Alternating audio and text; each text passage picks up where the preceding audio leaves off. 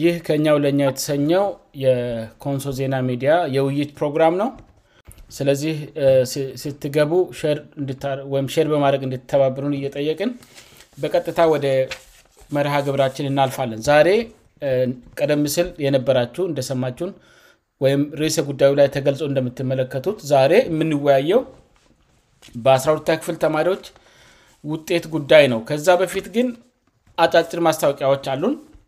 ኮንሶ ዜና ሚዲያ ወይም ኮንሶ ኒውስ ሚዲያ በተለይ እንደዚህ ውይይቶችን ዩቱብ ላይም ማስቀመጥና በቋሚነት ሰዎች አክሰስ እንዲያደረጉ ለመርዳት የዩቱብ ቻነል ከፍተናል ቻነሉን በውስጥ በኩልም እንለጥፋለን እዚህ የፌስቡክ ገጻችንም ላይም እንለጥፋለን ቻነሉ ላይ በመሄድ ሰብስክራብ እንድታደረጉ እንጠይቃቸዋለን ለጊዜው ምንም ቪዲዮ አልለጠፍንም እዛ ላይ አሁን እየተላለፈ ያለውም የቀጥታ ስርጭት በፌስቡክ እና በቴሌግራም በኩል ብቻ ነው እየተላለፍ ያለው ስለዚ ለወደፊት የውይይት ቪዲዎችንም ወደዛ እንወስዳቸዋል ነ ከዩቱ ላይ ማለ ከፌስክ ላ ወደ ዩቱ እንወስዳለን ዩ ኮንሶ ኒስ ነውየሚለው ቀላል ነው ስሙ አስቸጋሪ አደለም ስለዚህ እሱን ብስክራ በማድረግ እንድትተባበሩን እንጠይቃለን ገንዘብ ልንሰራበት ሳይሆን አንንድ ባህላችንንም አንዳንድ ነገሮችንም ስለ ኮንሶ እዛ ላይ መለጠፍ መጀመር ስለምንፈልግ ከእሱ አንጻር ነው ማሳወቂያውን የምንነግራችሁ ከዛ ባለፈ ዝግጅቶቻችንን ሼር አድርጉ ከእኛ ጋር ተወያዩ ውይይቶች ሲኖሩ ሀሳብም ሲኖር እኔም የውይይቱ አካል መሆን ፈልጋለሁ ብላችሁ በቀጥታ መስት ሲትልኩልን ውይይቶች ውስጥ አሳታፊ እናደርጋቸዋለን ማለት ነውእ ከዚህ በመቀጠል ምባት ከተለመደ ውጭ እያረኩ ነው መሰለኝ እኔን ው ታቁኛላችሁ የቬሎ ባላለው ውየኮንሶል ዜና ሚዲያ ውስጥ ከምሰሩት አንዱ ነኝ አብዛኛውን ጊዜ ዜናዎችን የማዘጋጀውነኝ ከስራ ጓደኞቼ ጋራ በአንድነት በመሆን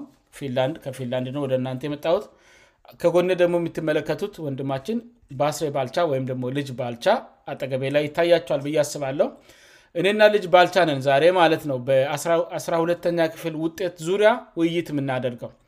ከዛ በፊት ግን ወቅታዊ ሁኔታዎች ላይ አሁን ኮንሶ አካባቢ ስላለውም ሩጫ ስለሌላ ሌላም ሀሳብ ተለዋውጠን ከዛ በኋላ ወደ ዋናው ርዕሰ ጉዳያችን እንገባለን ስለዚህ እስኪ በስሬ አንተ እንዴት አለ ሰላም ነወ ሰላምታእየሰጠ ለተመልካቾቻችን ወቅታዊ ጉዳይ ለሀሳብ ወደ መለዋወጡ እንለፍ ሰላም አመሰግናለሁኝ ሬዲና አን ለት ነ አድማጮቻችን እንዴት ናቸው ተመልካቾቻችን እንግዲህ ዛሬ ከእኛደኛው ፕሮግራም ላይ አንዳንድ ሀሳቦችን ለመለዋወጥ እዚ ከወንድማችን የቤጋ ተገኝተናል ወቅታዊ ጉዳይ ያው ዛሬ ኮንሶ ላዊ ቢኖር በጣም አሪፍ ነበር እንግዲዛ መኖር አልቻልኩም አጋጣሚ ከቅርብ ጊዜ ወዲህ ትንሽ ስራ በጣም ወጥሮኛአልእና የስራ ጫና አለንና ትንሽ እንትን ማለት አልቻልኩኝም ግን በጣም ደስ የሚል ድባብ ነው ዛሬ ከአራት ከተማ ላይ የነበረው እንግዲህ ፋን ኢትዮጵያ አትሌት ፋንቱ የሚትባደዋ ኢትዮጵያዊ አትሌት ኮንሶ ላይ ታላቁን ሩጫ ዘጋጅታ ዛሬ ከተማ ደመቅመቅቅ ብሎ ሰው እንዳ በጣም ደስብሎደስ የሚል ድባብ አለ እና ሩጫው ላይ የተሳተፉትን በሙሉ ድሉን አገኙ እንኳን ደስ ያላችው እኛን አስቀንታቸዋል ሚል ነገር ነው ለምችለው እጫው እንግዲህ ን ለኮንሶ እድገት እንሩጥ የሚል ነገር ነው ት ሪሱ ራሱ ደስ ይላል ዛሬ የምናውራው ስለ ትምህርት ቢሆን እንግዲህ ስለ እድገት የምናነሳ ከሆነ እድገት ሁለምትላዊ ነው መሆን ያለበትና በዛ ኢንቨስት የሚያደርገው ለኮንሶ እድገት ነው የሚሮጠው በትምህርት ወደተሻለ ደረጃ የሚሮጠው ቤተለይ ተማሪዎች እነሱ ናቸው እኛም ኮንሶን እድገት የሚያፋጥሙት ለህዝቡ ፕሮጀክቶች በመቅረጽ የትውልድን በማስተማር በብዙ ነገር የተማሪ ሰው ነው ብዙ ነገሮች የሚያደርገው እና እሱም አንዱ የእርገት ዘርፍ ስለሆነ ዛሬኛ ም ትኩረታችን ሩጫው ላይ ሳይሆን እዚህኛው የተማሪዎች ብጠት ጋር በተያዜ እንትንሳብን ሊያወጣለን ግን ስለ ሩጫው በጣም ጥሩ ነው ከፌደራልም ከክልልም ከፍተኛ የአትሌቲክስ ፌደሬሽን አመራሮች የተሳተፉበትእና የተገኙበት ነው የዞናችን ዋና አስተዳዳሪ የተከበሩ አቶ ዳዊት ገበየውም በሩጫው ፕሮግራም ላይ ተገኝተው መልክት ያስተላለፉበት አለእና እንደ አይነት ፕሮግራሞች ለመጀመሪያ ጊዜ ነው እንግዲህ ኮንሶ ላ እንደዚህ አይነት ታላቅ ፕሮግራም ስደረግ ይህበለ የሚያሰኝ ነው እውነት ለመናገርነው እዚህ ውስጥ ትላልቅ እንትኖች ኔ እንደሁም ትታወቂ ጋዜተኞች ሁሉ እዚ ነገጡ ተመስገን እነጋዜጠኛው ይ ተጓ ጋዜጠኛው ህኖክ በጣም የምናከብራቸው ምናልባት ድሉን አግኝተውንን የሚሰሙ ሆነ በጣም እናመሰግናቸው እንፈልጋለን ኮንሶል ለማስተዋወቅ የኮንሶልን ባህራዊ አጠቃላይ ታሪካዊና ንትኖችን በማስተዋወቅ ደረጃ የሚጫወጡት ሚናቀላል አይደለም እና ብዙ ጊዜ ከፍተኛ ጥረት ያደርጋሉ ስለዚህ በኮንሶል ብስም ልናመሰግናቸው እንፈልጋለን እና እንደዚህ አይነት መድረኮች ደግሞ ያሉንን ሴቶች ከማስተዋወቅ ባሻገር ኢንቨስትመንትንም በዓላማው ላይም እንደተገለጸው ኢንቨስትመንትንም ጭምር ለመሳብእና ቱሪስቶችም ሀገር ውስጥ ያሉ ሰዎችም ጭምር መተው ኮንሶ እንዲጎበኙ የመጋበዝ እንትን ነው ምክንያቱም ኮንሶ ላይ በጣም በርካታ የሚጎበኙ ነገሮች ያሉ ግን በማስተዋወቅ ደረጃ ብዙም ይሄ ነው የሚባል ራ የተሰራ ስራ የለም እ የምትለውእና እንደዚ አይነት ፕሮግራሞች ተጠናክረው መቀጠል አለባቸው ይህን ፕሮግራም እንትን ያሉ በተለይ አትሌት ፋንቱን እግዚአብሔር ባርካት በጣም ከልብ እናመሰግናትለን ዞናችን ከተማችን ከንዲባ ክቡሩ አቶ ጋሻውን ገናለን እና አጠቃላይ እንትኑን በማመቻቸት በኩል የዞኑ አመራሮች እና ይህን ፕሮግራም ያዘጋጁትን ሁሉ በሰላም እንድጠናቀቅ አስተዋጽኦ ላደረጉ አካላት ሁሉ ላቃ ምስጋናን ማቅረብ ይፈልጋለአመሰግናሉ ምናልባት ሩጫውን በተመለከተ የመንግስት ኮሚኒኬሽን ገጽ ላይ የተወሰኑ ሀሳቦች ወጥተዋል ለምሳሌ ኑ ለኮንሶድ ገት ንሩጥ የተሰኘው ሩጫ እንግዲ ዛሬ ጠዋት ላይ ከመሀል ከተማ ተነስቶ በተሰመረለት መስመር በኩል ተዙሮ መጨረሻ ላይ በአሮጌው ስታዲየም ነው የተጠናቀቀው ተብሏል 8 ኪሜት ነው የህዝብ አጠቃላይ የሁሉም ህዝብ ማለት ነው ከዛ ባለፈ ግን በ1በ5በ3 ሜትር ውድድሮች እንደተደረጉ ተገልጿል ለምሳሌ በሴቶች ከአንድ እከ3 የወጡ ስማቸው ተገልጿል ለምሳሌ ከታሻ ጋኝሮ የምትባል ልጅ በሴቶች አንኛ ወታ የወድቅ ሜዳላ እና የ100 ብር የድጋፍ ሽልማት አግኝታለች እንደዚሁም ደግሞ ገነት ባዩ የምትባል ሌላ ወጣት ሴት ሁለተኛ በመውጣት የብር ዳሊያ ና የአት ሺብር የማበረታቻ ሽልማት እንደዚሁም ደግሞ ወንገላዊት ኩማቶ የምትባል ሌላ ሯጭ ሶስተኛ በመውጣት የነሀስ ሜዳሊያእና የ3ት ሺ ብር ማበረታቻ እንዳገኘች ተጠቅሷል በወንዶች በኩል ግን የተሟላ መረጃ አልቀረበም በመንግስት ኮሚኒኬሽን ገጽ ላይ አንደኛ የወጣው አትሌት ብቻ ነው በስም የታወቀው አትሌት ገዛሃኝ ንጉስ የሚባል ነው አትሌት የምል ከስሙ ፍለፊት ስላለ ምናልባትም ፕሮና አትሌት ሊሆን ይችላል ብዬ ጠርጥሬ ለ አይ ነውእንግዲህ ን ዛሬ ስለ ሮጤ ብቻ ይሁን የምር ፕሮፌሽናል ስለሆነ ሊሆን ይችላል ብዬ አሰብኩኝ ስለዚህ አትሌት ገዛኝ ንጉስ የሚባል ሰው ነው በ100 በወንዶች በተደረገ ውድድር አሸናፊ ነበረው እናሱም እደዚ የ10 ሽ ብር የድጋፍ ሽልማት አግኝተል ማለት ነው ከወርቅ ሜዳሊያው በተጨማሪ ሁለተኛና ሶስተኛ የወጡ ሰዎች የመንግስት ኮሚኒኬሽን ገጽ ስማቸውንም አላወጣም የተሸለሙትንም የማበረታቻ ገንዘብ አላወጣም ከዚህ በተጨማሪ ዝግጅቱን ያዘጋጁ ሰዎች ሰዎች አሉም ዝግጅቱን ያዘጋጁ ተቋማት ተባብረው ያዘጋጁ ተቋማት በኮንሶ ደረጃ እንግዲህ እንደምናውቀው ከዚህ በፊት ዝግጅቱ ዙሪያ ዜናም ሰርተናል አን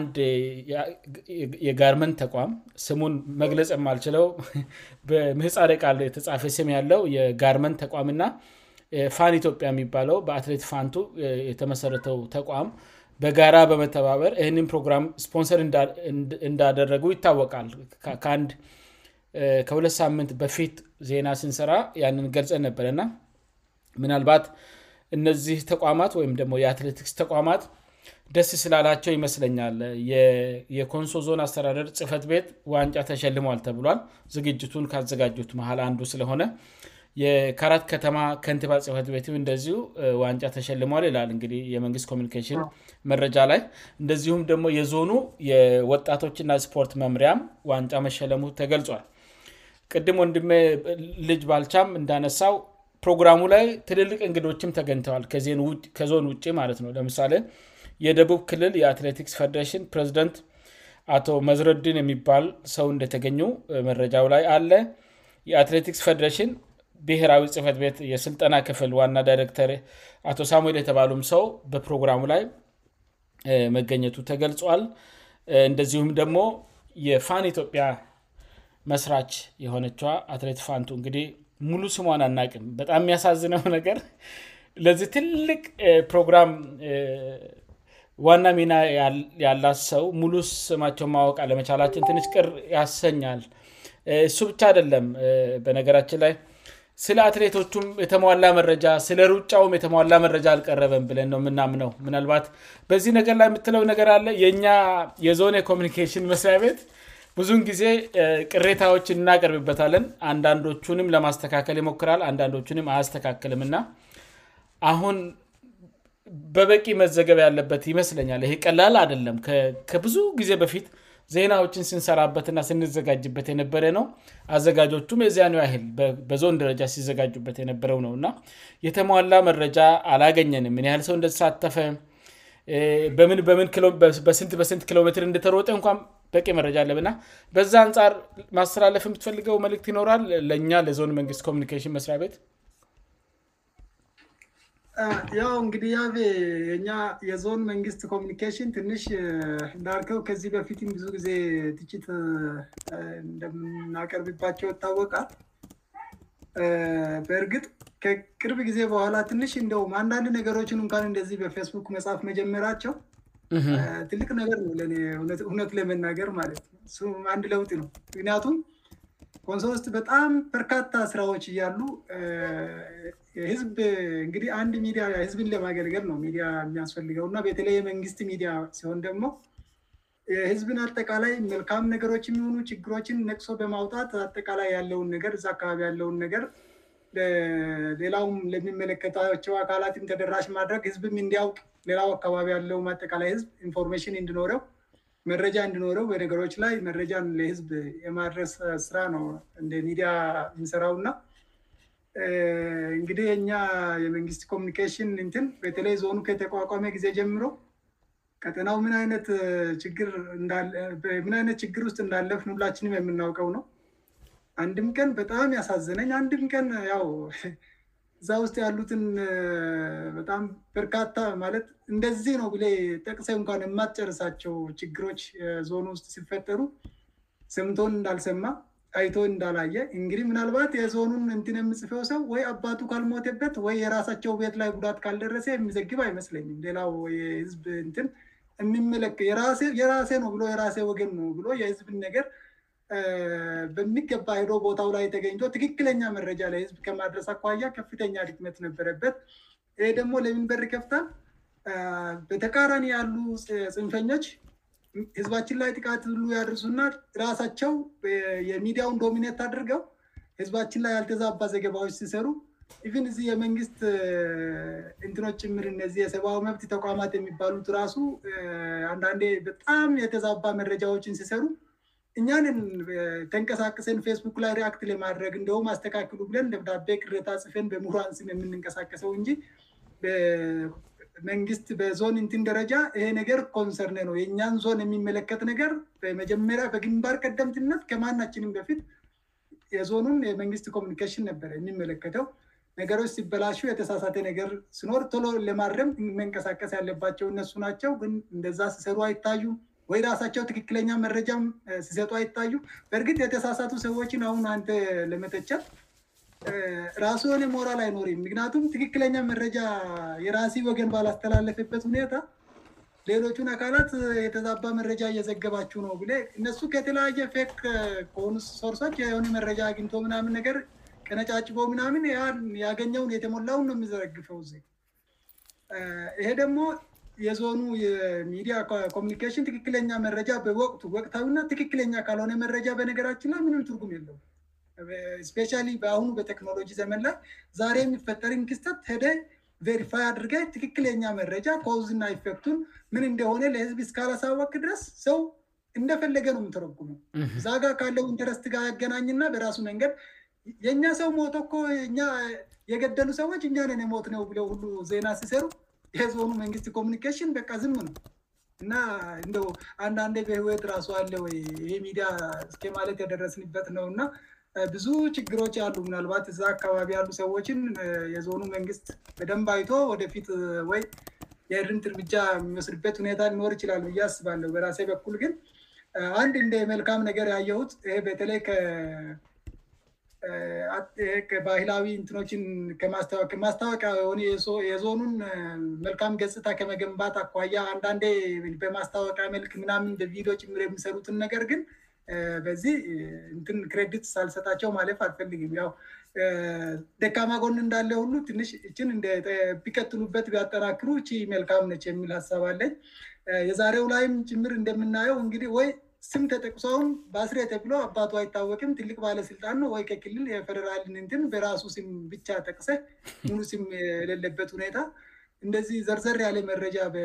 ናይአሁን ሩጫ ተሮጠ ይባላል ግን ማለት ሩጫው ተደርጓላ አይተናአልኛም ግን ምን አይል ሰው እንደተሳተፈ ራሷን በዞኑ መንግስት ኮሚኒኬሽን ላይ መረጃ ታገኙ ይህ ታሪካዊ ሩጫ ተደረገ ብሎ ምን አይል ሰው ነው የተሳተፈው ሩጫው ላይ ብ ቢጠይቅ ምንም አይነት በግምት እንኳን ማስቀመጥ ይችሉ ነበር ትክክለኛ መረጃ ባይኖራቸው መረጃ ባይኖራቸው እዛ ቦታው ላይ ስላሉ በግምት ይህን አይል ማሆን ሰው ተሳትፏልም ይባላል እትንና ትንሽ የራሳቸውን በደንብ እንት እንዲያደርጉእና ከጊዜው ጋር የሚሄዱ የራሳቸውንም የሚመጥናቸውን ስራ ቢሰሩ የሚል ነገር ነው ማለት የሚፈልው በጣም አመሰግናለሁ ምናልባት እኔም እዚህ ላይ እንው ማሳሰቢ ያለመጨመሪያ ያህል የዞን የኮሚኒኬሽን መስሪያ ቤት መንግስት የሚሰራቸውን ስራዎ አትሊስት ሰፋ አርጎ ተንተና አርጎ ለህዝብ ማቅረብ ሀላፍነት አለበት አንድ የተለመደ ባህል አለ ከቀደመው የመንግስት ስርዓት ስለ መንግስት በጎ ነገር ብቻ ነው የሚወራው በጎ ነገር ከሌለ ዝም ይባላል ዝብ ሲጎዳ ምምንበእርግ ሁን ስለ ህዝብ ጉዳት አለም እያወራው ያለነው ግን በጠቃላይ መንግስት በሚሰራቸው ሥራዎች እንኳን የኮሚኒኬሽን መስሪያ ቤቱ የተፍታታ የተሟላ መረጃ አይሰጥም የሆነ ቦታ ስራ ተደረገ ወም ውይይት ወይም ስብሰባም ወይም ጉባኤም ተደረገ ከተባለ የመንግስት ኮሚኒኬሽን የባለሥልጣናቱን ንግግሮችእና ጥቅሶች ነው የምጽፈው እንጂ አጠቃላይ የተሰራውን ነገር በትክክል እንትን አያደርግም ና እሱ ነገር ላይ በግልም በቀረቡ ዘገባዎችና መረጃዎች ላይ የምንሰጣቸው ኮመንቶች እንዳሉ ሆነው እንግዲህ ዋና ሀላፍነታችሁ በመንግስት በኩል የሚሰራውን ስራ በዝርዝር ለህዝብ የማቅረብ ሀላፍነት ነው እና እንደንዳን ኮመንቱ ላይ እናገራለሁ ደሞዝ የምንከፍላችው እንደ ንሶ ግብር ገንዘብ አዋተን ገበሬው ካለችው ላይ እያዋጣ የመንግስት ኃላፍነት ላይ የተቀመጡ ሰዎች ስራቸውን እንዲሰሩ ገንዘብ የሚያዋጣው ህዝቡ ተገቢእና ትክክለኛ ስራ እንዲሰሩ ስለሆነ በተለይ በተለይ ኮሚኒኬሽን መስሪያ ቤቱ ይህንን ሃላፍነቱን በአግባቡ መወጣት አለበትን ላለ ከባለሥልጣናት ወይም ደሞ ከመንግስት ኃላፊዎች ንግግሮች ቅሶች ባለፈ የተሰራውን ነገር በጥንቃቄና በተሟላ መንገድ ለህዝብ የማሳወቅ ሀላፍነት አለባችሁ ለምሳሌ ውይይት ከተደረገ በሆነ ችግር ዙሪያ ወ የሆነ መስሪያቤት ሪፖርት ቀረበ እንኳን ቢባል ሪፖርቱ ማሟላት የሚገባውን መረጃ ማሟላት አለበት ሪፖርቱ ሲቀርብ ወይም ግምገማው ሲቀርብ ግምገማው ላይ ላ ተገኝተው ንግግር ያደረጉ በንግግራቸው እንዲህ አሉ አደለም ጠቀሜታው የተገመገመው መስሪያቤት እንዲህ እንንዲ ደና ደና ነገር ሰርተል በዚህ በዚህ በኩል ስብሰባ ላይ የተገኙት አበረታት ተውታል እንዲእን ክፍተቶች ታይተውበታል እነዚህ ክፍተቶችን ለማስተካከል ደግሞ እንዲእንዲ አስተያየት ተሰጥቷቸዋል ብላችሁ ነገሮችን በቁጥር በመጠን በጥራት መግለጽ እንድትለማመዱ በዚ አጋጣሚ ማሳስብ እንወዳለን መልም እንግዲህ ይህን ያክል ሀሳብ ከተለዋወጥን ወደ ዋናው ሪሰ ጉዳያችን እንሄዳለን ከዛ በፊት ግን አሁንም ጥቂት ሰዎች ኦንላይን እየተከታተሉን አሉ ባካችሁን መረጃውን በማጋራት እንድትተባበሩንጠይቃለን ምክንያቱም ላይ እንደገባን ወዲያው ተቋርጦብን ነበር በቴክኒክ ችግር ምክንያት ስለዚህ ር ያደረግ ነውን ድጋሚ ር ማድረግ አልቻልም ስለዚህ ፋታ ውስዳችሁ ባካችሁን ለሌሎች ሰዎች ር አድርጉ መሳተፍ የሚትፈልጉ ሰዎች ካላችሁ በተለይ ቀጣዩ ውይይት እንግዲ ሬሰ ጉዳዩ ላይም እንደገለጽ ነው የ12ተኛ ክፍል ተማሪዎች ውጤትእና በዙሪያው እየተነገሩ ያሉ ችግሮች አሉ በአገር አቀፍ ደረጃ ማለት ነውእና ስለዚህ በኮንሶል ደረጃ ያንን በስፋት ለማየት እንሞክራለን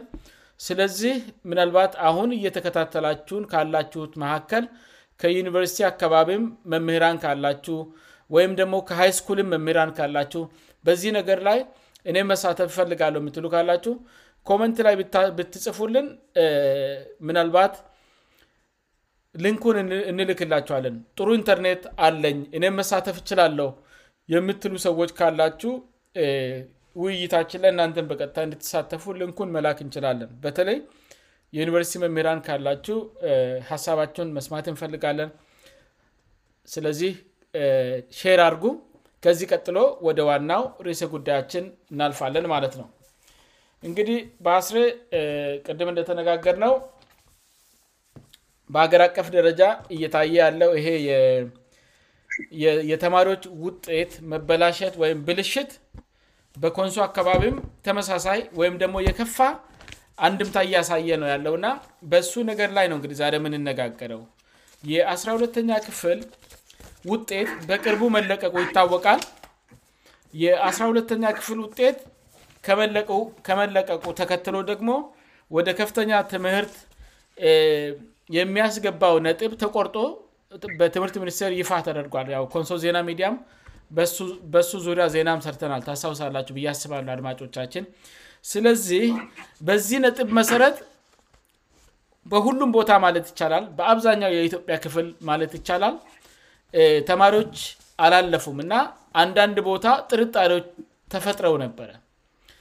ምን ጥርጣሪዎች ተፈጠሩ በሞደል ፈተናዎች ከፍተኛ ነጥብ ያመጡ ወይምበትምህርት ቤቶች ስጥ በጣም ጎበዝ እንዲሆኑ የሚታወቁ ልጆች ሜቶቤስ ሲያመጡ ትምህርት ቤቶቹ ግራ ስለተጋቡ ነገሩ መጣራት አለበት ተብሎ ወላጆችም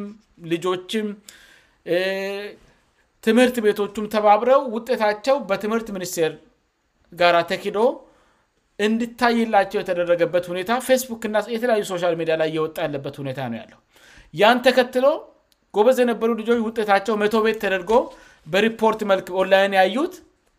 ውጤቱ እንደገና ሲታይ ወ 600ቤት 500ቤት ሆኖ ተገኝቷል ስለዚህ ያ ምን አስከተለ ከፍተኛ የሆነ የርማ ችግር ወይም ስህተት ወይም ደግሞ ሰቦታጅ ወም ሲስተሙ ሀ ተደርጎ ምናልባት የሆነ ገር ተፈጥሮ ሊሆን ይችላል የምል ከፍተኛ ችግር አስነስቷል እሱን ተከትሎ በየቦታው መረጃዎች እየወጡ ነው በዞኖች ደረጃ በወረዳዎች ደረጃ ተማሪዎች ያላለፉባቸው ትምህርት ቤቶችም ስላሉ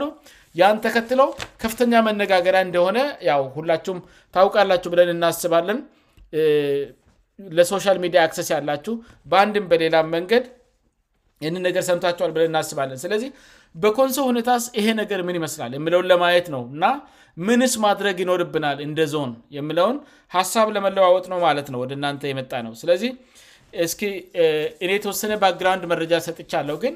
ተጨማሪ አጠገቢ ያለው ወንድም አንተም ችግሩ ምንድን ነው ብለ ታስባለሁ የተፈጠረው ነገር ምንድን ነው እስ ባስሬ አንተም በዚህ ጉዳይ ላይ አክልበት አመሰግናለሁ አስራ ሁለተኛ ክፍል ፈተና ጋር በተያያዘ ቅርብ ጊዜ ወዲህ በሀገር ደረጃ ጥሩ ነገር አይደለም የምሰማው የሆነ ጊዜ ላይ ፈተና ወጣ ብሎ በቴሌግራም ሰዎች እየተቀያየሩ ነው የሚል መረጃ ቅድሞ መውጣት ጀመረ ከዛ በኋላ ፈተና ተሰረቀ የተባለ እንደዛመሆኖ ከዛ በኋላ ያለው ነገር በእርግጥ ባለፉት ሶስት ዓመታት ያው እንደሀገር ያለንበት ሁኔታ በጣም ከባድ ነው ከለውቱ ጋርም ተያይዞ በየቦታው ችግሮችም አሉ በዛ ላይ ደግሞ ፈተና ይሰረቃን ፈተና ሲሰረቅ የለፋው ና የደከመው ተማሪ ያንን የስርቆት አክሰስ የሌለው ያልነበረው ተማሪ በራሱ አም ተፍጨርጭሮሎ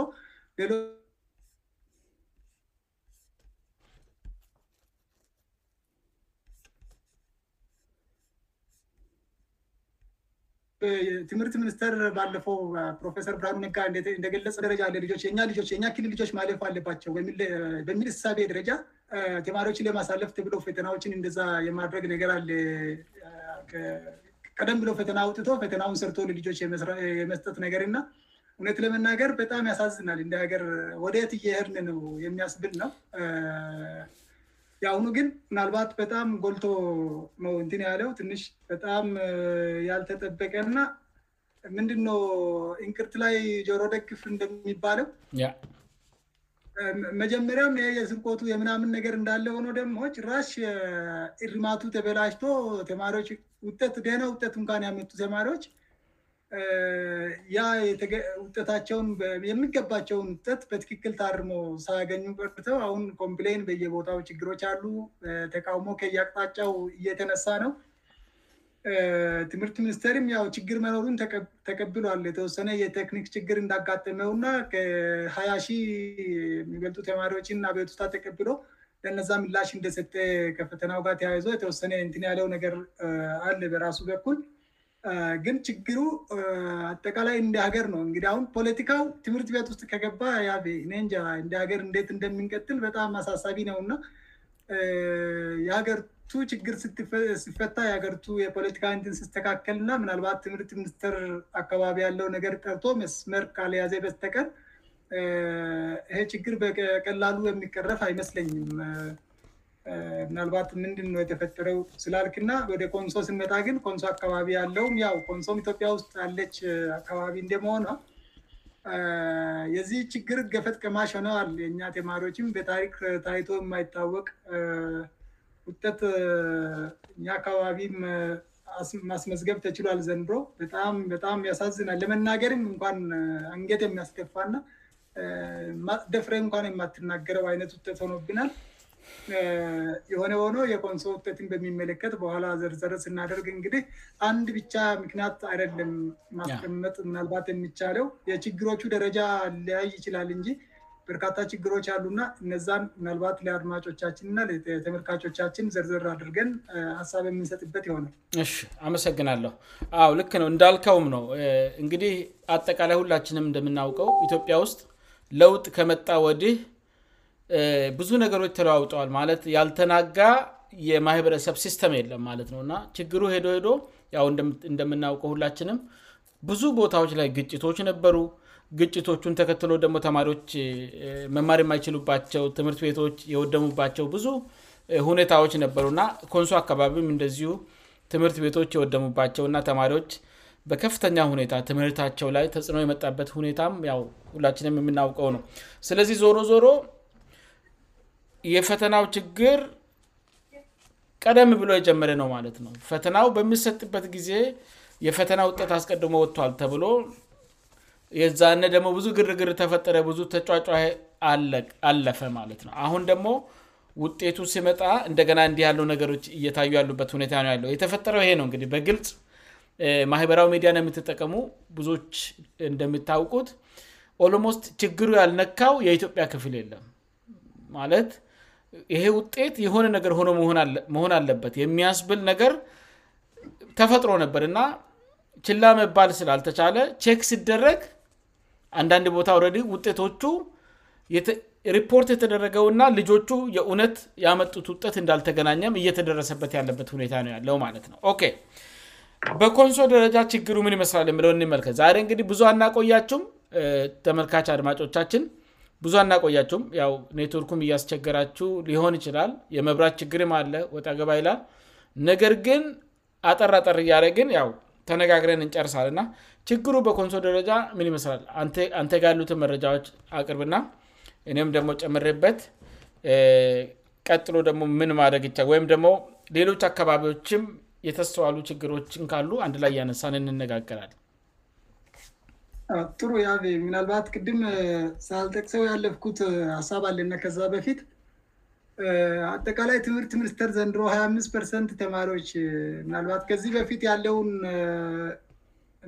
ሬሽ አልወሰድኩኝ መወሰድ ነበረብኝ እግ እንግዜ ስላልነበረኝ ነው እንጂ 25ርት ተማሪዎች ብቻ ወደ መንግስት ዩኒቨርሲቲ እንዲገቡ ወይም ብሎ ያስቀመጣቸው ምክንያቶች አሉ ሀገራዊ ችግሮቹን ቅድም ጠቅሰናአል በተወሰነ ደረጃ ግን ስፔሻ ከኢትዮጵያና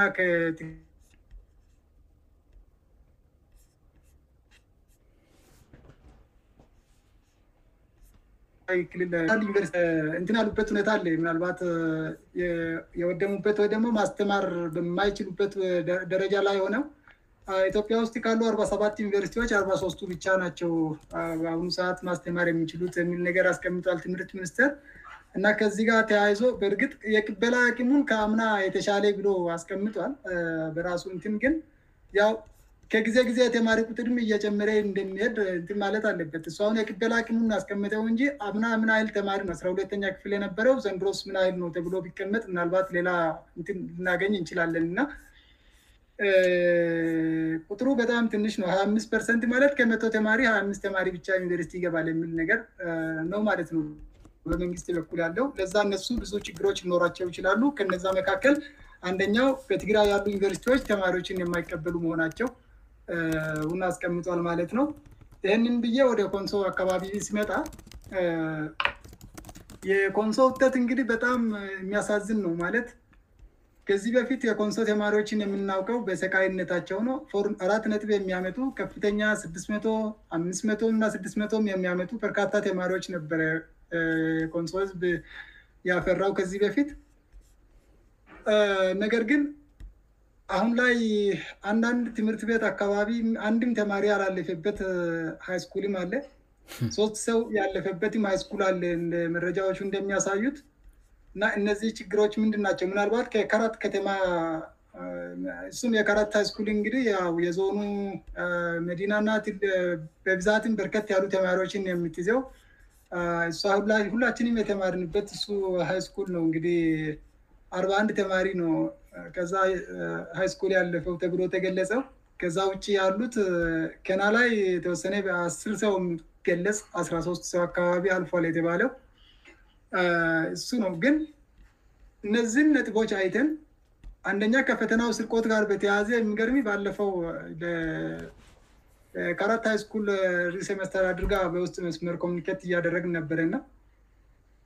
አንድ ተማሪ በጣም ጎበዝ የሆኔ ማለት ተስፋ ያደረጉት ውጠት ያመጣ ሊያልፏል ብለው የሚያስቡት ተማሪ ሲሙ ራሷል መጣም እና ምንድን ነው ተብሎ በቃ እንደገና ስጠየቅ በኋላ ወደ አምስትቶ ስአራት አካባቢ አምጥቷልጅ ቷሁን በኋላ ነው የተላኪያው እና እንደዚህ አይነት ለፍተው ህን ከፍተኛ ውጤት ያመጡ ተማሪዎች እንኳን ወይ ሲማቸው ሳይመጣ ይቀራል ወይ ውጤታቸሁን ሌላ አካባቢ እንደምንሰማ መቶ ምናምን መጣ የተባለ ተማሪ በኋላ በስድትቶእና አ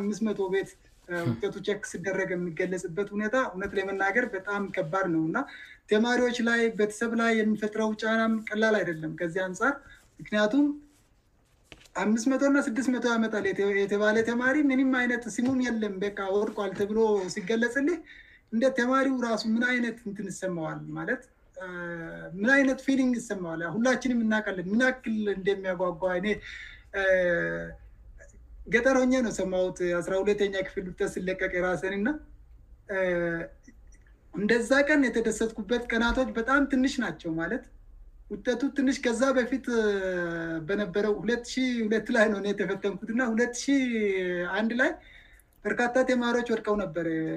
ን አንደኛ ደረጃ ላያለን በውጠት ከእኔ የተሻሉ ተማሪዎች ሁሉ ዩኒቨርሲቲ ያልገቡበት አጋጣሚ ነበረ ሁ11 ላይ አንዳንዶችና በኋላ ላይ ሁለትአራሁት ላይ ውጠቱ ሲመጣእና የራሰ ንተሰሩውት ሆኖ ሳገኘው በ በጣም ደስ ብሎ ደስታይን እንደት እንደገለጽኩኝ እኔነኛማቀው እና አልረሳም ስቲል ነው ፊሊንጉን አልረሳም እና በዛው ልክ ደግሞ ውጠት የለም ሲባል ምን ይል ተማሪን ተስፋ እንደሚያስቆርጥ እና ምንልነ ስመት እንደምፈጥር ሁላችንም የምናውቀው ነው እና ከዚህ አኳያ ምናልባት እንደም ትምህርት ሚኒስተር ተማሪዎቹንም ክርታሳይ ጠይቅ ዝም ብሎ የተክኒክ ችግር ስለሆነ ነው ሃያሺ ተማሪ እንደቀላል አድርጎ የያሺ ተማሪን እንትን ተቀብለን አስተካክለናል ወይ ደግሞ ኮምፕሌኑን ወስደን ምንላች ሰጠናል የሚል ነገር ነው ያስቀምጠው ግን በቂ አይመስለኝም ይህ ብቻም አይደለም ይሄ የቴክኒክ ችግር ወይ የሪማቱ ችግር እንዳለሆ ነው ባለፉት ቅድም ለመናገር እንደሞከርኩን ባለፉት ሶስት ዓመታት ቤተለይ በኢትዮጵያ በርካታ አካባቢዎች ፈናቅሎች አሉ ትምህርት ቤቶች አሁን ወድመ አሉ በተለይ ወደ ሰመኑ አካባቢ ፓርቲብነት ባለፈው ዓመት በነበረው ጦርነት እንዳለ ሃይ ስኩሎች ሙሉ ለሙሉ የወደሙበት ሁኔታዎችም አሉእና ተማሪዎች እዚህ ሁኔታ ውስጥ ሆነው ነው እንድፈተሆነው የተደረገው እኛ ጋም ለሶስት ዓመት በጉማይዴ በኩል በኮልሜ በኩልም በቱሮ በኩልም ኮንፍክት ምንድነው ግጭቶች ነበሩ አመት ሙሉ 2013ት ላይ ከፍተኛ ድመት የደረሰበት ወደ 17ባ ቀበለ የተቃተለበት እና ተማሪችእንግዲህ ቤታችሁ ተቃጥሎ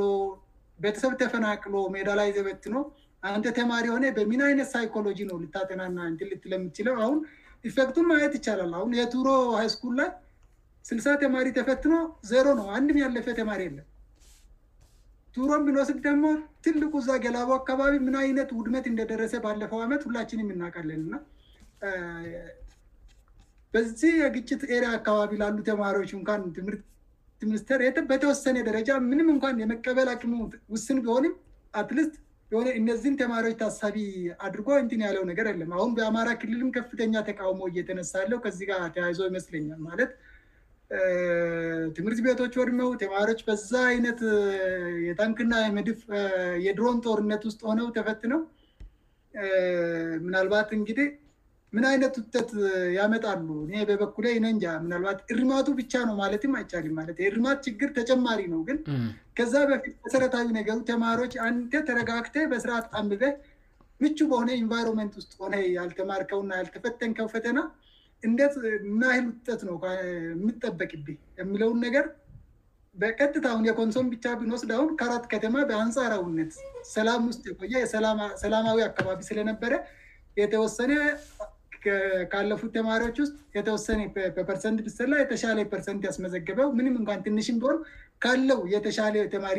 ያለፈበት ትምህርት ቤት ብኖር የካረታ እስኩል ከዛ ውጪ በሰገን ዙሪያ በኩል ተማሪዎችም አልተፈተኑ ምክንያቱም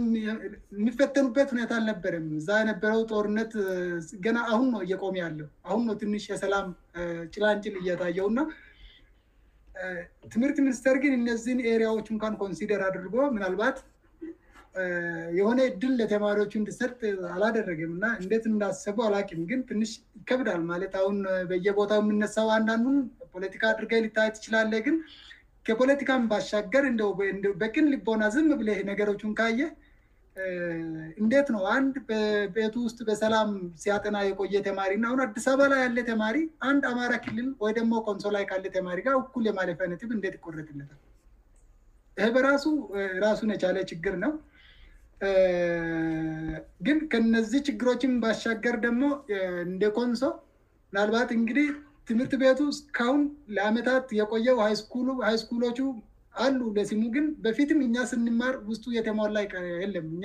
ምናልባት ሀምሳ ተማሪ ሆነ አንድ ኮምፒተር ላይ ወይ ደግሞ ከዛ ትከፋፈልና ውስጥ ገብተ አንድ ሰው እድሞት ይዞ አስራ አምስት ወይ ሀያ ሰው ተመልካች ሆነው ማለት ነው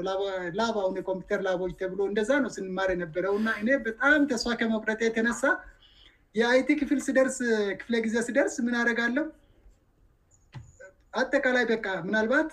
የፕራክቲካል ፓርቱን ዜሮ እንደማገኘው ረዳ ቃለው ባይዲፎልት ምክንያቱም ምንም አይነት የኮምፒውተር አክሴስ የለመዛነ እነዚህ ትላልቅ እንትኖችም ስልኮችንም የማግኘት እድሉ ጠባብ ነው ሃይ ስኩል ውስጥ ያለው ኮምፒውተር በፍጹም አይበቃም ለተማሪ አአምስትና ሀያ ተማሪ የሆነ አንድ ሰው ማውዝ ይዞ እንዴት አድርገ እንደሚትፈተን ከባድ ነውነ ከዛ አኳያ ምን አደጋለው ቴዎሬቲካል ፓርቱ ምንም አይነት ላለመሳት ማለትነው ላለመሳት ነው የሚሞ ዛእንደዛ ርገ ሰባና ሰማኒያ ዓመጠ ነበር እንደውም እትንና አስታውሳለሁ ችግሩንና እስትል ነው ችግሩ እንዳለንው አሁን ትምህርት ቤቶች ያልተስፋፉም አንድ ክፍል ውስጥ እስከ ሰያ ተማሪ እንደሚማር አሁን በካራት ሃ ስኩል ደረጃ እንኳን አን የሚባለው ዞኑ ላይ አንድ ክፍል ውስጥ እስከ ሰያ ተማሪ አንድ ላይ ታጭቆ ይህን የምትለው በቂ የሆነ ማቴሪያልእና የሚያስፈልገው የትምህርት ግብአት ባልተሞላበት ሁኔታ ውስጥ ሆነው ይማራሉ ሌሎች የከረት ሃይስኩል እንደዛ ከሆነ ደግሞ የሌሎቹን መገመጥ ቀላል ነው ማለት ከረት ላይ እንደዚ አይነት ችግሮች ከጎልቶ የሚታዩ ከሆነ ኮልሜ ላይ ወይ ደሞ ሰገንዙሪያ ላይ ወይ ደሞ እዛ ወደ ቱሮ አካባቢ ያለው ሃይስኩል ላይ ምን ይል ማቴሪያልና የተማላይ ቃ ይኖራል ብ ታስባለእና የምታሰብ አይደለምእና እንደኮንሶ ምናልባት ከጊዜው ጋር ለመሄድ ትምህርት ቤቶቹን የሆነ ስርነቀን ለውጥ የሚፈልግ ይመስለኛል እንግዲህ ከዚህ ችግር ለመውጣት ስርነቀን ለውጥ ካልተደረገ በስተቀር እህንን ችግር በቀላሉ የምንወጣው አይመስለኝም ለአሁኑ የተፈጠረውን ችግር ግን ምናልባት አሁን የአማራ ክልል በመንግስት ደረጃ ነው ችግሩን እያቀረበ ያለው ቴማሪዎች ጦርነት ውስጥም ነበሩ ችግሮችም ነበሩ በዛ ላይ የፈተናው እርማት ችግር ስጨመር ተማሪዎች በከፍተኛ ደረጃ ወድቀዋል ብሎ በክልል ደረጃ ነው ጥያቄ እያቀረበዋሉት ለፈደራል መንግስትእና ለትምህርት ሚኒስተርእና ኮንሶ አካባቢ እንደዚህ አይነት የተደራጀ ነገር ስሰራ ላይምና ምናልባት የኮንሶ ዞን ትምህርት መምሪያ ወይ የዞኑ መንግስት እነዚህን ችግሮች ምናልባት በጦርነት ከተባለ አሁን የሰመኑ ጦርነትንካን አንድ አመት ነው ገና አንድ አመቱ ነው እኛ ጋር ለሶስት ዓመት ነው ተማሪ ስሰቃ የነበረው በዛ ላይ የኮቪድ ነገሮች አሉ ብዙ ነገሮች አሉና የኮቪድ ምናምኑን ከሞን ሊታደረግ ትችላለን ለሁሉም አካባቢ እኛ ጋር ግን ለሶስት ዓመት ጦርነት ውስጥ የቆየ ተማሪ ነው ዉድመት እንዲም እንደኮንሶ የወደመ አካባቢም ኢትዮጵያ ውስጥ የለን እውነቱን እናውራ ከተባለ ሬሽ ቢወሰድ አጠቃላይ ካለው በቀበለ ደረጃ ሙሉ ንሙሉ እንደሙሉ እንደዚህ የወደመ በወረዳ ደረጃ ሁን ሰገንዙራን ከውሰድ ከወረዳ ውስጥ ሁለት ቀበለ ነው የጠረው ከተማውን ጨምሮ ማ ከተማውና የብርብርሳ ቀበለ ብቻ ነው ጠረው ሰዓት ያልነደደበት ቀበል የለም ይሄ ሁሉ ውድመትና ንትን በደረሰበት አካባቢ ላይ ያሉ ተማሪዎች እንኳን ምንም ከራት ላይ ሊቀመጥ ይችላል ተማሪ በዛ ሰዓት ግን እዛ ጋር እንደዚህ ቤቱ እየነደደ ህዝቡ ተሰቃይቶ ግማሹ ተገድሎው ግማሹ ለቁሶና ዋይታ በሆነበት ሁኔታ ውስጥ ተማሪው ምን አይነት ስነልባውን አይዞ ነው ለፈተና ሊቀመጥ የሚችለው ኢን የሰገን ዙሪያ ወረዳየወረዳው ሃይ ስኩል ምንም እንኳን ተማሪዎችን ባያስፈጥኑ እንኳን ከረት ላይ እንኳን የሚማር ተማሪ ቢኖር ከዛ አካባቢ መጣ ምን አይነት እት ውጤት ነው ሊያስመዘግበው የሚችለው የምለውን ነገር በደንብ አናሊስስ ተሰርቶ በችግር ደረጃ ጦርነቶችና ምናምን እኳን ኮንሲደር የሚደረጉ ከሆነ ከኮንሶ የተሻለ በጦርነት ውስጥ የቆየ አካባቢነት በተከታታይ ሶስት ዓመት ያለማቋረጥ ጥይት ስጮህበት የነበረ አካባቢ ኢትዮጵያ ውስጥ ምናልባት እኔ ወለጋ ካልሆነ በስተቀር ምናልባት እንደ ወለጋ በመንግስትና በአጠቃላይ ከታጠቁ ኃይሎች መካከል በምደረገው ወንድን በተደጋጋሚ ችግር እንትን እንደሚባልበት ይታወቃል ከነዚህ የተለየን ሌላ አካባቢ ግን ሌላ ጦርነትም አለብያ ላስብም ስለዚህ እሱንም እንደ አንድ ምክንያት አስቀምጠው ሁለተኛ ደግሞ የፈተናውም ስርቆት አሁን በርካታ ጎበዝ ተማሪዎች አሉ ተስፋ ማለት ማለፍ የሚችሉ ተማሪዎችን ያላለፏሉ የነዛን ስም ዝርዝር ይዞ አሁን እኛ ጋር ተማሪዎች በምን አም ነው አምስት መቶ ና ስድስትመቶ የምጠጋ ኪሎሜትር አቆዳርጠ ትምህርት ሚኒስተር መጠ ይሄንን ነገር እንትን ለማድረግ ለማስተካከል ምቹ አይደለም ሁሉም ቤተሰብ አኪም የለውም ወይ ደግሞ ተማሪዎች እንደዛ የማድረግ እንትን ላይኖራቸው ይችላል በፍርሃት ዝም ብለው እንትን የምለዋለ በእርግጥ ትምህርት ሚኒስተር እዛው በቅርበት ጥያቄያቸው ልባት የሚያገኝበትን ሁኔታ መቻችቻለው ብሏል እሱ ነገርም ካለ እዛው ዞን ላይ ብቻ ላይ ሁሉም ተማሪዎች ውጠቸክ ተደርጎ ቢያንስ የተሻለ ፐርፎርም የሚያደርጉ ተማሪዎችን በቅድበት ስለሚያውቋቸው የነዛን እንደገና ሪቸክ ተደርጎ እዛ ውስጥ ምናልባት አንድ ተማሪ እንኳን ውጠቱ ተስተካክሎለት እንደዛኛው ተማሪ ቅድም እንደገለጽኩት ሲሙ እንኳን ጠፍቶ በኋላ ቸክ ስደረገ 64 እንዳመጣው ተማሪ የአንድ ተማሪ እንኳን ከዛ ውስጥ ማውጣት ብንችል ቀላል አይደለምእና የኑ ትምህርት መምሪያ የዚ አካባቢ ራብስራ መልካም ይመስለኛል ሌሎቹን እትች ደግሞ በኋላ ይነሳለበጣም አመሰግናለሁ ው መፍትሄው ላይ እንመጣበታለን ምን ይሻላል የሚለው ጋ ማለት ነው እና አሁን ለማንሳት እንደሞከርከው የአንዳንድ አካባቢዎችንም ልምድ ወይም ተሞክሮ ወደ እኛ ማምጣት ይቻላል ምክንያቱም የእኛ አካባቢ እንዲያውም አሁን እንዳስረዳኸው ከሌሎቹን በባሰ ቀደ ም ስል ጀምሮ ከፍተኛ ግጭት የነበረበት ቦታ ስለሆነ ማለት ነው ተጨማሪ መረጃዎችን ለመናገር ያህል መቼም ለመናገርም ይቀፋል የትምህርት ቤቶቹ ችግር ነው ብዬ አላምንም በእርግጠኝነት እርማቱ ላም ችግር አለ ብ ለማመን ይገደዳለሁ ምክንያቱም የ2012 ብሔራዊ ፈተና እንደዛ አልነበረም በ2012 ዜናዎችም ሰርተናል የእኛ ልጆች እንዲያውም በክልል ደረጃ ከፍተኛ ነጥብ ካመጡት መካከልም አንድ ሴት ገብታ ነበር ስለዚህ ጦርነቱ ስ ነበርእኛ ረዴ ዛነም ማለት ነው እና አሁን በእርግጠኝነት የሆነ ችግር አለ እርማቱ የእኛን አካባቢ በከፍተኛ ሁኔታ እንደጎዳ ማወቅ ይቻላል እንግዲህ መጥቀስ ስላለብኝ ነው የምጠቅሰው ለምሳሌ 925 ተማሪዎች ነበሩ በአጠቃላይ ተማሪዎችን ባስፈተኑ አራ 2 ስኩሎች በኮንሶ ከፍተኛ ና መሰናዶው ትምህርት ቤት በፋሻ በኮልሜ እና በቱሮ ማለት ነው እና ከ925 ተፈታኞች እንግዲህ አሁን ትምህርት ምኒስቴር ባሳወቀው የዩኒቨርሲቲ መግቢያ ማለፊ ነጥ መሰረት 51 ተማሪዎች ብቻ ናቸው ወደ ዩኒቨርሲቲ መግቢያት የሚችሉት ይሄ ቁጥር በፐርሰንቴጅ ሲሰላ ወይም ከመቶኛ ሲሰላ አካባቢ ነው ይመጣ ይሄ ማለት እንደው ከኮንሶስው አላለፍም ብለን በደፈናው ብንል ይሻላል ያንን ስለ ኮንሶስ ማለት ይቻላል ወይ ካልን ማለት አይቻለም ብዬ ነው ለው ከፍተኛ ነጥብ ከሚያመጣው ዝርዝር ውስጥ የሚገቡ ተማሪዎች የሚወጡበት አካባቢ ተማሪ አላለፈም ብሎ ለመናገር እንኳን ያሳፍራል ቅድም አንተም እየጠቃቀስክ ነበረ ለምሳሌ ቱሮ አካባቢ 6 ይል ተማሪዎች ለፈተና ተቀምጠው ነበር አንድም ያለፈ ተማሪ አልተመዘገበም በዛ ትምህርት ቤት እንዴ ሊሆን አይችልም ማለት ከፍተኛ ችግር እንዳለ ማሰብ ይቻላል በኮልሚ አካባቢ ከ60 በላይ ተማሪዎች ተፈትነው ሶት ሰው ነው ያለፈው ሲባል ምን ማለት ነው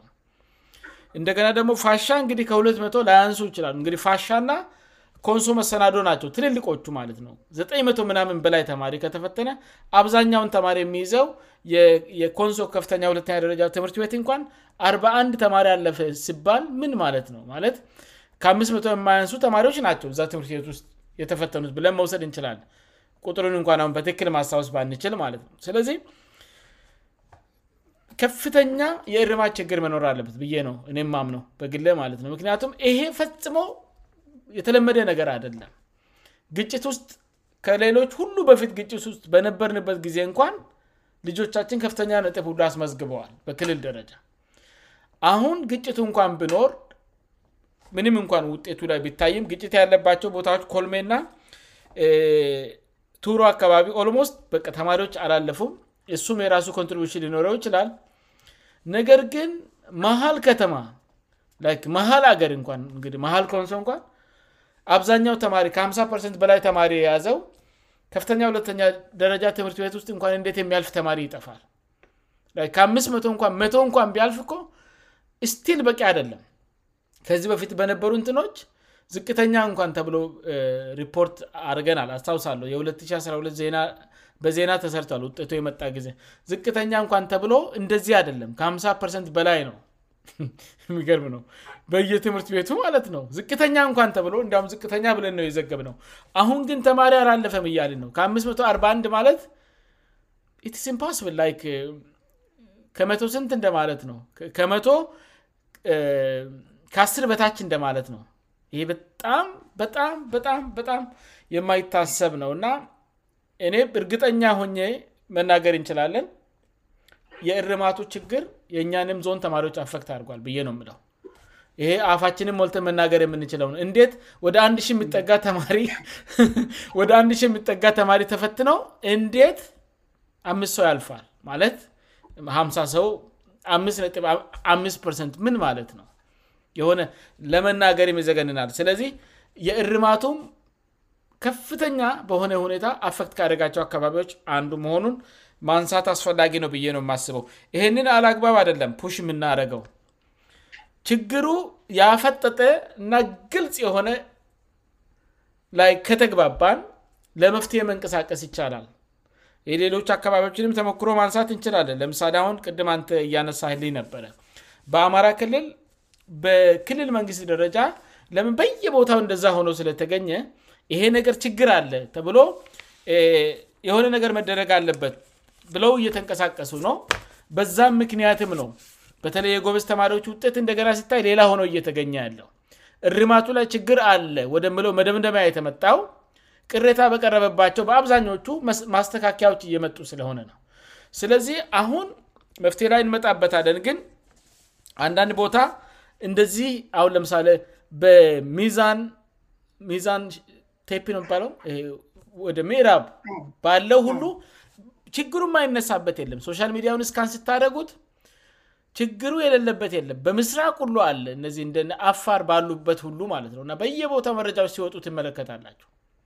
ያ ማለት ትልቅ የሆነ ችግር አለ እኔ ምን ሁሉ ብዬ አስብለው መሰለ እዚ አውሮፓ ላይ የራሻው ፕሬዚደንት ሆነ ሁአሁን እየመራለው ቲን የሚባለው ሰው ምርጫ አጭበር ብሮ እንዳሸነፈ ይነገር ነበረ በሁለተኛው ማለነ ሶስተኛ ዙር ከመመረጡ በፊት በሁተኛው ዙ አንደኛ ዙር ላይ በጥሩ ሁኔታ አለፈ ሆነ ሽብርተኞች ነበሩ አገራቸው ላይ ሽብርተኞቹን ዋጋቸውን ስለሰጣቸው እንደ ብሔራዊ ጀግና ተቆጥሮ ነው በከፍተኛ ድምፅ የተመረጠው ነገር ግን ከአ ዓመት ነው ዓመት አላገራቸውንም ተርማ አላወል እንት እያሽቆለቆለ መጣ የህዝብ ድጋፍ ከዛ ድጋፊ ምርጫ ሲደረግ ሲስተሞቹ ሀክ ተደርገው ነው ብለው ነው እግዲ አውሮፓውያን ሰውየውን ስለሚጠሉትም ሊሆን ይችላል ያንን የምናገሩት ግሚልላችሁ ፈልጊ ነው ሲስተም ሀክ ይደረጋል በቴሌኮምትራዚድ የሆነ ሲስተም ሀክ ይደረጋል ከዛ ውጤቱ ማዛባት ማቀጃበድ ይቻላል ኤሌክትሮኒካሊ ማለትነው ስለዚህ አሁን መስለኝ የትምህርት ሚኒስተር ሲስተም ሀክ የተደረገ ነው መስለኝ ይህንን እርግጠኛ ሆኖ መናገር የሚቻልበት ደረጃ ላይ ደርሽ አለው ማለት ነ ምክንያቱም እንዴት በአገር አቀፍ በየቦታው አሁን ኮንሶ እንግዲህ በጣም ትንሽ ህዝብ ያለበት አካባቢ ነው በዛ ደረጃ እንዴት አፈክት ሊሆናል ሙሉ ሲስተም ሀ አልተደረገ በስተቀራንም የሆነ ውጠቶች እንዲሰጡ ሚያደግሆነ ልሚት አፐር ልሚት ሰጥቶ ራንም የሆ ውጠት የሚሰጥ እንዲህ ባለ ሲስተም በኮምፕተ የተዋቀረ ነገር ሀክ ማድግ ይቻላል ምርጫዎችን ለማቀዣበር ይጠቀማሉ እንደዚ አይነት አካሄዶች ማለት ነው ስለዚህ በይነ ግምት ትምህርት ሚኒስቴርም እየደረሰበት ያለውን ጩኸትና ጫጫታ ችላ ማለት የለበትም የሚለወጥ ነገር የለም ምናምን የሚሉት ነገር ትንሽ ጥሩ አደለም ትምህርት ቤቶች አብዛኞቹ ስለወደሙ ወይም ደሞ የግጭት ቀጠና ውስጥ ያሉ ስላሉ ሁሉም ዩኒቨርሲቲዎች ተማሪዎችን መቀበል ባይችሉ ሌሎቹ ላይ ወርክሎድ በመጨመር ካስፈለገ ኢንፍራስትራክቸር ተምፖራሪ በሆነ መንገድ ቢሆን ለማስፋፋት መሞከር ነው እንጂ እንዲህ ያለን ሲተት እንዲ ያለን ክፍተት ሲስተማቸው ሀ ከተደረገ በግልጽ ራሳቸውን ክሊር ማድደግ አለባቸው ይሄ ቀልድ አደለም ይሄ የዜጋ ህይወት ጉዳይ ነው ትውልድ ላይ እንደመፍረድ ነው አሁን ተመልከት እግዲ አሁን ኮንሶ በ2013 አን የምጠጋ ተማሪ አስፈት ነው ሀምሳ ተማሪ ዩኒቨርሲቲ አስገባ ሲባል እንደው በታሪክ እንኳን ምን ተብለው ይወራል ይህ እኮ በጣም ከባድ ነው አንድ ሺውም በዛን ዘመን ለሃይ ስኩል የበቁት 1ሁለት ዓመት ተለፍቶባቸዋል እ ቀልድ አደለም 2 ዓመት ተለፍቶባቸዋል እነዚህ ሰዎች እኮ የግል ተቋማት እንኳን መግባት አይችሉም ለምን ካልከኝ የውጠቱ ማነስ እንዳለ ሆኖ ለግል ትምህርት ቤቶች ሳይቀር መንግሥት ዘንድሮ መቁረጫ ነጥብ አስቀምጧል ምን ለማለት እንደተፈለገ ይገባኝም ማለትነው ላይ የሆነ እድላቸውን እንኳን እንዳይሞክሩ ማለት ነው ግን በ በኛ በኮንሶ ደረጃ ደግሞ አቅም ያለውእና በግልም ለመማር ዩኒቨርስቲ መግባት አቅም ያለው ሰው የለም እርግኛሆነን መነጋገር እንችላለን ስለዚህ ከኮንሶ ሰው አላለፈም ብለንነው ማብራት ያለብን እንጂ አ አለፈ ራሱ ይሸክካል ሰው አላለፈም ብን ነው የሚመረጠው ሰው ካላለፈ ደግሞ መምህራን አስተምረዋል ተማሪዎቹ ተምረዋል ፈተናው ላይ ተቀምጠዋል ምግ የሆነ ከባድ ችግር አለ ማለት ነው በእርግጠኛነት ስለዚህ ምናልባት በኋላ መፍትሄ ላይ እንመጣበታለን ግን ችግሩ የኮንሶ ብቻ አደለም ሁሉም ቦታ ነው ያለው ግልዩነቱ አንዳንዶቹ በጣም ኦርጋናይዝድ በሆነ መንገድ ስለሚጮሁ ለመፍትሄም እየበቃ ነው ለምሳሌ ዜጎች በራሳቸው ትምህርት ሚኒስቴር ሄደው ቅሬታቸውን በማመልከቻ ማቅረብ ባይችሉ የሚደግፍ መንግስት ያስፈልጋል የተማሪዎቹን ኮዝ የእኔ ነው ምክንያቱም ኮንሶነ እየወደቀ ያለው አንድ ትውልድ ላይ እንደመፍረድ ነው ገብቷቸ አላአደለም አንድ ትውልድ ላይ የፍርድ ውሳኔ እንደማስተላልፍ ነው እነዚህ ልጆች እኮ ወላጆች አሏቸው 12 ዓመት ለፍተዋል ይህንም ፈተና ለመውሰድ ስለዚህ ሙሉ ተማሪ ወርቆ ለዚውም የነሱ ባልሆነ ስህተት እርግጠኛ ነኝ 50 ተማሪዎች አልፈዋል ኮንሶ ላ ይሄ እኔ መቀበል አልችልም እውነትን ለመናገር ማው ለምን ካላቸሁኝ በክልል ደረጃ ከፍተኛ ነጥብ ከሚመዘገብባቸው አካባቢዎች አንዱ ሆኖ ያለ በምን አግባብ ነው ከኮንሶ ሰው የማያልፈው ነው በምን አግባብ ነው እንዳለ ሰው አላለፈን ብለን አሁን ዛሬ እዚህ ቁጭ ብለን የምናወራው ማለት ነው ስለዚህ ይሄ የትምህርት ቤቶቹም ችግር አደለም እንዲያውም የ2012 ውጤት ይህን ሁሉ ጦርነት ይህን ሁሉ ውድመት እየተቋቋመ የእኛ ልጆች ስነ ልቦናቸው ጭምር ጠንካራ መሆኑን ማሳያ ነው ብዬ ለማመን ይገደዳለሁ ጦርነት ውስጥ ሆነው አሁን እኮ የሰመኑ ጦርነት ነው እንግዲህ ኢትዮጵያ ውስጥ ሌሎች አካባቢዎች ላይ ችግር የፈጠረው እንጂ እኛ ጋር ወረ ከ211 ጀምሮ ከባድ ችግር ውስጥ ነበረ የቆየ ነው እንዲህ ባለው ሁኔታ ውስጥም ተማሪዎች ከፍተኛ ነጥብ የሚያስመዘግቡ ከሆነ እንዲያውም በስነ ልቦና የተሻሉ ናቸው ብለን መውሰድ እንችላለን አሁን የተፈጠረው ግን እኔ እጠእርግጠኛ ነ እርግጠኛ ነኝ መንግስት የዞን መንግስት የሆነ ነገር አድርጎ አደራጅቶ የተማሪዎች የሞደል ፈተና ውጤት እየታየ በዛ መሰረት እንኳን ተማሪዎች ካስፈለገ ስክሪናውት ተደርገው እንደገና አል መደረግ አለበት እንደገና በትምህርት ሚኒስቴር የኮንሶል ትምህርት ቤቶች ውጤት እንድታይ መደረግ አለበት እግዲ መፍ ላይ እንመጣበታለን ግን የሌሎች አካባቢዎችን ልምድ መውሰድ አለብን ነው ሽ እያረክ ያለሁት ሁሉም አካባቢዎች በመንግስት ደረጃ ይሄ ነገር መፍትሄ ይፈልጋል እያሉ ነው እኛ ጋር ብዙን ጊዜ እንደ ክፍተት ማየው አመራሩ ጋር የእኛን አካባቢ ለማስተዋወቅ የምናደገው ጥረጥሩ ነው ብሔራዊ ጉዳዮች ላይ ለመሳተፍ የምናደርገው መፍጨርጨር በጣም ጥሩ ነው ነገር ግን ደግሞ ለእኛ ለኮንሶ ጉዳዮች የዚኒው ያህል መቆርቆር መቻል አለብን ብ ነው አስበው ምክንያቱም የኮንሶ መንግስት ነን የኢትዮጵያ መንግስት አደለንም የኢትዮጵያ መንግስት ከእናንተ በላይ ያሉ አመራሮች ናቸው እንደ እየተዋረዱ ማለት ነው ስለዚህ በዋናነት የኢትዮጵያ ጉዳዮች በሙሉ የሚያገቡን ቢሆንም በዋናነት የኮንሶ ህዝብ ጉዳይ የእናንተ ቅድሜ ሀላፍነት ነው ስለዚህ ብሔራዊ ጉዳዮች ላይ ስትሳተፉ እንደምታከሩን ሁሉ አካባቢያዊ ጉዳዮች ላይ ጠንከር ያለ ነገር ሲሰሯ እናይም ቅሬታ አለኝ እኔ በግ ማለት ነው ምናልባት ከሩክ ስለወንክ ነው የማይታይ እትሉኝ ይሆናል ግን የእውነት የምትለፉ ኮሆነ እናያለን ደህና የምትንቀሳቀሱትን ሁሉ እና ያለን ችግር ያለባቸውንም እናለን በዋናነት ለኮንሶ አካባቢ ጉዳዮች ላፍነት አለብን ነው እያልን ያለ ነው ስለዚህ ይሄ ኦርጋናይዜድ የሆነ እርምጃ ይፈልጋል በመንግስት ደረጃ እርምጃ ይፈልጋል አካባቢያችን አቅም የሌለው ከመሆኑም አንጻ ዜጎች በራሳቸውንን ነገር ይወጡት ካላችሁ ዜጋ ላይ እንደፈረዳችሁ ቁጠሩ ትምህርት መምሪያ ላይ በኃላፊነት ላይያላችሁ ወንድሞቻችን በአንድም በሌላም ይሄ መልእክት ይደርሳቸኋል ብለን እናምናለ ከዞን መንግስት ጋር ተነጋግራችሁ በመንግስት ደረጃ ነው መፍትሄ ሊደረግለት የሚገባው አንዳንድ አካባቢዎች በሚታየው መሠረት ማለት ነው እ ኦረዲ ስለ መፍትሄውም እያወራ ነው እስ ወደ አንተ ሊመልስና እንዲህ ያሉ ችግሮች እንዳይደጋገሙ ምን ማድረግ ይቻላል እንደገናም ደግሞ አሁን እጅ ላ ያለ ይሄ እንደ ትኩስ ድንች ግራ ያጋባንን ችግር ራሱ በምን መንገድ የሚቀረፍ ይመስላል እስ የንተን ሀሳብ ደግሞ ለአድማች ተመልካቾቻችን አክል